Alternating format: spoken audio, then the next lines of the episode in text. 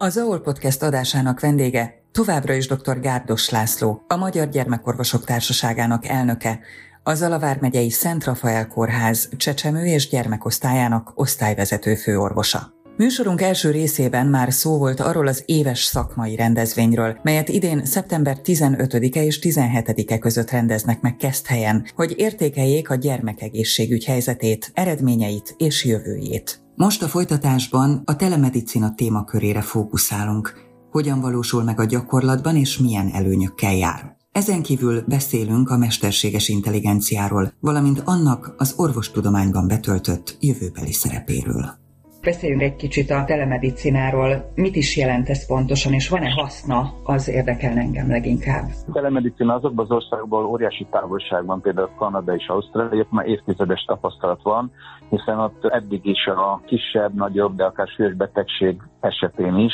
volt úgy, hogy órákig, de pocsi napokig nem sikerült orvoshoz jutni, és akkor a telekommunikáció, azaz a internet, számítógép fejlődésével már ők régóta használták azt a módszert, hogy a szülő, beteg, gyerek az szóba vagy képbe is kapcsolatba lép az orvossal, és megpróbálnak információk alapján segíteni. Nyilvánvaló, hogy vannak esetek, amikor ez nem lehetséges, erre már ott nagy tapasztalat van, könyvek vannak arról, hogy a telemedicinát hogy kell, művelni. Az alap dolgok ugyanazok a gyógyításban, de itt azt kell eldönteni, hogy mi az, amit, amit meg lehet ítélni, úgyhogy élőben nem tudom megtapintani, megvizsgálni ezt a gyereket, az elmondottak, meg a látottak alapján, amit ez közvetít, lehet segíteni. Covid volt az, ami hirtelen ezt a szituációt előhozta, hogy itt távolságok azok nem lettek nagyok, de nem lehetett így hetekig, hónapokig orvos-beteg kontaktusokat létesíteni. Vagy azért, mert az orvos is beteg volt, vagy az orvos veszélyeztető volt, vagy a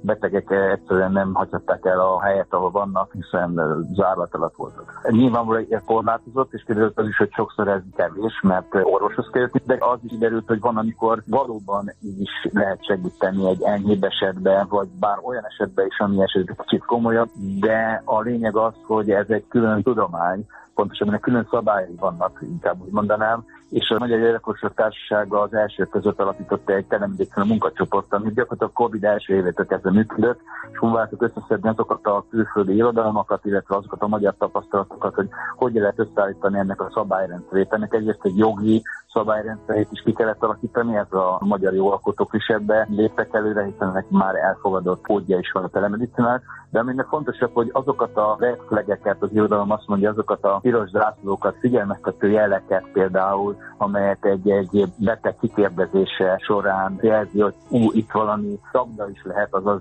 nem lehetett így telefonon keresztül megbeszélni, be kell jönni. Tehát a külföldi könyvek azok már gyakorlatilag így írják meg a bizonyos betegségek tünetek vizsgálását, hogy föl vannak tüntetve azok a pontok, amihez, hogyha elér valaki, akkor akkor mindenképp be kell a beteget. De ha ilyenek nincsenek, például egy enyhe lázas vagy láz nélküli nász a köhögés, ha megfelelő kérdéseket fölteszi az orvos, és meg tud győződni arról, hogy egy banális nászáról van szó, akkor ezzel több mindent nyerhet a szülő, a gyerek, meg az orvos is. A, a szülő nyerheti azt, hogy nem kell bejönni, nem kell szabadságot kivenni, vagy utazni órákat buszon, vonaton. Ugyanez a gyermekére is igaz. A többi beteg pedig, és az egészségügyi ellátó pedig azt nyeri vele, hogy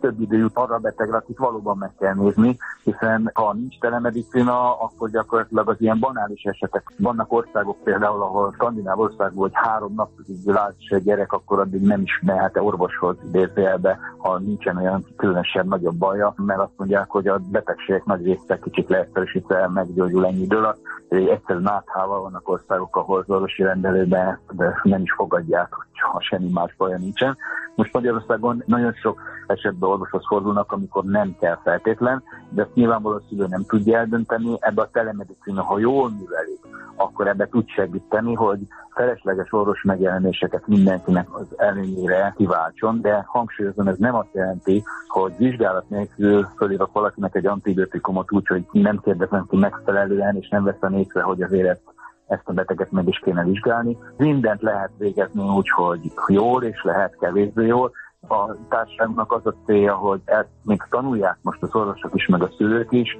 Abban szeretnénk segítséget adni, és arról fog szólni a szekciónk is, hogy hogyan lehet ezt jól csinálni a Magyar Máltai Szeretett Szolgálatnak és a Gyerekezós Társadalmat is vannak erre tapasztalatai. A vasárnapi napunkon a délelőtt az egyik záró főszekció gyerekezős társadalomnak a telemedicinával kapcsolatos tapasztalat, illetve hogy milyen irányba fog lehet tovább menni, erről fogunk beszámolni. Én azt gondolom, hogy ez is egy, egy nagyon-nagyon fontos eredménye az elmúlt pár év társasági munkánknak. A milyen irányba lehet tovább menni kérdéskör kapcsán jutott eszembe, hogy ön lehetségesnek tartja azt, hogy a jövő orvoslásában a telemedicina sokkal nagyobb hangsúlyt kap majd, hiszen fejlődik a technika, mindenféle tudományág, akár a digitális technika, tehát nem tudom érti hogy mire gondolok egészen. Hogy ez nagyon jó a kérdés, mert amit nem mondtam, hogy ennek ennek a telemedicinának több típusa van. Az egyik az, amikor a beteg-orvos érintkezik egymással, értekezik egymással telekommunikációval. A másik, amikor orvos-orvos esetére történik. Tehát például ez már ma is egy élő gyakorlat lehet, meg van, ahol van is, hogy egy kisvárosban egy ultrahanggal egy gyerekgyógyász megvizsgálja a szívét egy gyereknek, és egy megközelítő diagnózis föl is tud állítani, de ennek a megerősítésére, vagy esetleg ha nem jól állapította meg, akkor ennek a korrigálására elküldi egy gyerekszívcentrumba, ami Magyarországon nem sok van, igazából a az Országos Kardiológiai Intézetben, a Gocégen az Országos Kardiológiai Intézetben van Magyarország legnagyobb és minden szempontból kompetens centrum, ahol elküldi, ahol egy szakember akár azonnal, vagy pár órán belül azt kiértékeli, és visszajelez, hogy igen, ez így jó van, vagy azt mondja, hogy ezt másképp kéne, vagy azt mondja, hogy ez a betegnek azonnal föl kell küldeni, hál' Isten ez a kevesebb, mert az esetek nagy részébe egy ilyen telekommunikációval egy magas szintű ellátást lehet elérni, amikor hogy megmozgatnánk a beteget. De hát ha azt mondom, hogy az MR képeket és a CT képeket jelenleg Európában gyakorlatilag nemzetközileg leletezik, tehát Magyarországon is van, úgyhogy egy vidéki városba készül egy felvétel, és a leletezést a telemedicina segítségével az ország 400 kilométerre másik centrumában, sőt, ez sem ritkaság, hogy Európából máshol leletezzék, de magyar radiológusok is rendszeresen Spanyolországba vagy bárhol Európába a világon leleteket adnak. Tehát már nem a jövő, hanem ez már jelen. Itt igazából a jövő az az, hogy hogyan lehet ezt minél több területre kiterjeszteni. Nyilván vannak korlátok, van, amikor a beteg jelenléte az feltétlen szükséges, de ma már a képtovábbítás, hangtovábbítás révén még a mesterséges intelligencia még nem is használva már rengeteg olyan dolog van, ahol a, a telemedicina működik, csak eddig nem így hívtuk, hanem csak mint egy vívmány használtuk, de ha ezeket így összevegyük, akkor egy elég színes képet és egy nagyon nagy lehetőségeket láthatunk a telemedicinában. Önt, mint orvost egyébként például a mesterséges intelligencia lelkesíti, vagy mit gondol erről? Hiszen ugye nagyon sokat hallunk arról, hogy pont az orvostudomány lehet az az egyik olyan terület, ahol a mesterséges intelligenciának majd esetleg nagy-nagy hasznát vesszük. Hát lehet, hogy nem arányos, vagy kicsit profán az összehasonlítás, de az elején beszéltük a Google-ról, ami azért azt gondolom egy óriási forradalom volt, most már mindenkinek ez egy olyan hétköznapi dolog, de egykoron, amikor gyakorlatilag az összes lexikon tacsra tette, hiszen pillanatok alatt meg tudom nézni, hogyha olvasok valamiről, hogy hány négyzetkilométer Tajvanon egy városnak a parkja, és gyakorlatilag számtalan jó információt és írtozatos mennyiség információt bármikor a telefonomról lehet tudok tölteni, és előbb beszéltünk arról, hogy egészségügyi adatokat, meg egészségügyi kapcsolatos dolgokat is lehet tudok tölteni, és az is elhangzott, hogy ha nem megfelelően értékelem, félre is vezethet. Én nem értek a mesterséges intelligenciához, és azt hiszem körülbelül hasonlóan vagyok tájékozott, mint a hallgatók vagy ön. Az ember olvas néha jót is, meg rosszat is, és ahogy a Google is azt mondtam, és ez most nem azért, hogy kibújjak a válaszsal, hogy mindennek van jó és rossz oldala, itt még azért nem tudjuk a határait. Az biztos, hogy rengeteg adatnak a földolgozásával azokat a valószínűségeket, amelyeket jelenleg az orvosok a tapasztalatuk, az irodalmi olvasottságuk, a másik orvos véleményének a kikérésével, az erről megjelent összefoglaló szakcikkekben olvastak alapján együtt dönti el egy olyan speciális esetben, ami nem hétköznapi, hogy most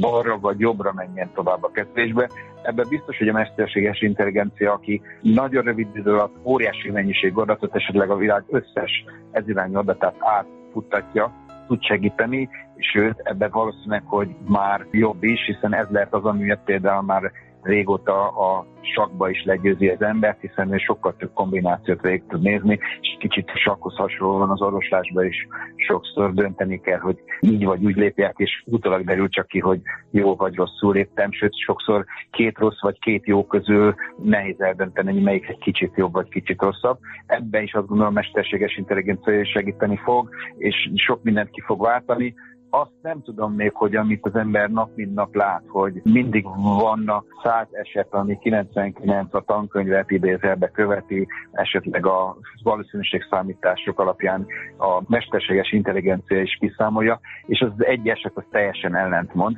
Ez ugye két formában az ember tapasztalja. Egyrészt látja számtalanszor, és nekem is hál' Isten voltak ilyen tapasztalataim, amikor az összes eredmény labor azt mutatja, hogy elveszítünk egy mondjuk egy betegkoroszövetet, és mégis életben marad, és nem tudjuk megmondani, hogy miért. Fordítva, ugye, amit a, sokszor ezt így föl szokták hánytorgatni az egészségügynek, hogy azt mondták, hogy körülbelül egy fél évet él egy, mondjuk egy gyomorrákos beteg, és mégis egy évet, vagy másfél évet, vagy két évet él. Tehát az adatok még mindig azt gondolom, hogy amiket a mesterséges intelligencia adatokat föl fog használni, azokat az emberi tapasztalásból fogja nyerni, amelyek egyrészt az emberi tapasztalás azért még mindig nem százszázalékos, másrészt meg még mindig van az emberi szervezet, lélek is oly kiszámíthatatlan, hogy vannak olyan dolgok, amelyeket nem tudunk magyarázni, akár minden biokémia még, ami a lelkünkben történik is, és mindent lehet modellezni matematikailag vagy, vagy molekulákkal,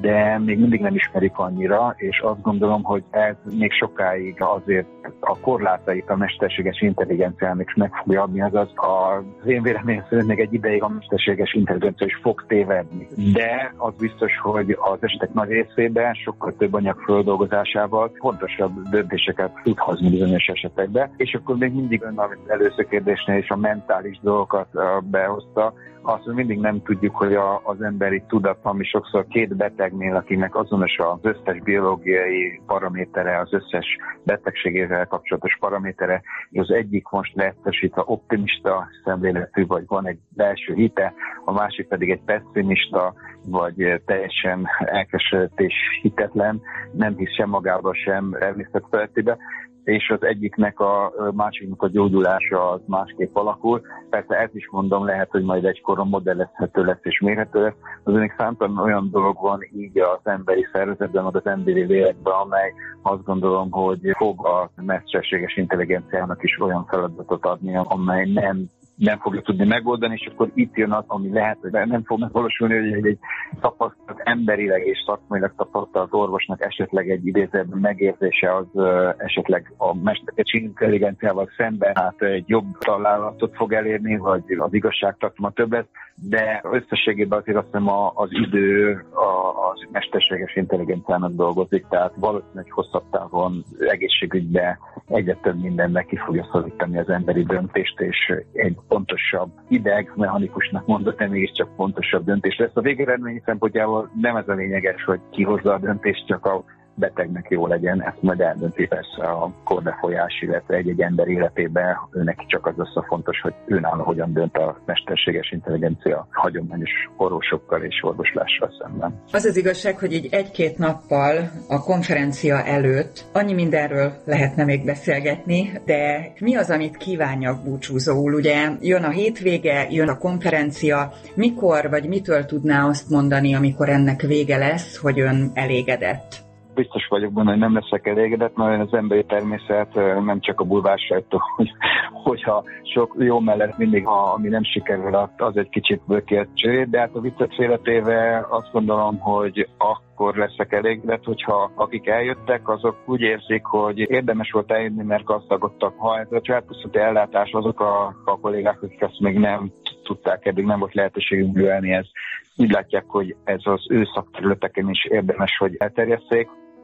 harmadsorban pedig, ha azt gondolnák, hogy ezek a zalai emberek még az ország más részénél is sokkal barátságosabbak és vendégszeretőbbek. Azt mondják a végén, hogy ez a Balaton egykori fővárosa hely, ami azt gondolom, hogy ez azért nem véletlenül az első agrártudományi egyetemét adta, a Helikont a nemzeti felemelkedést adta, és hát itt van Magyarország legszebb kastély, a Kastély Múzeuma. Érdemes volt ide eljönni, és el fognak még jönni ide Zalába, és talán még el fognak vándorolni ide a Kanizsa és Segerszeg, Köcsej és Zalaidomvidékre is. Én azt gondolom, hogy ez is fontos lenne, hogy a szakmai emberi értékek mellett az alából is kapjanak egy olyan benyomást, hogy ez egy nagyon egyik legszebb helye, és ide még el fognak jönni máskor is. Akkor én azt kívánom, hogy legyen így, és nagyon szépen köszönöm a beszélgetést önnek. Én is köszönöm szépen.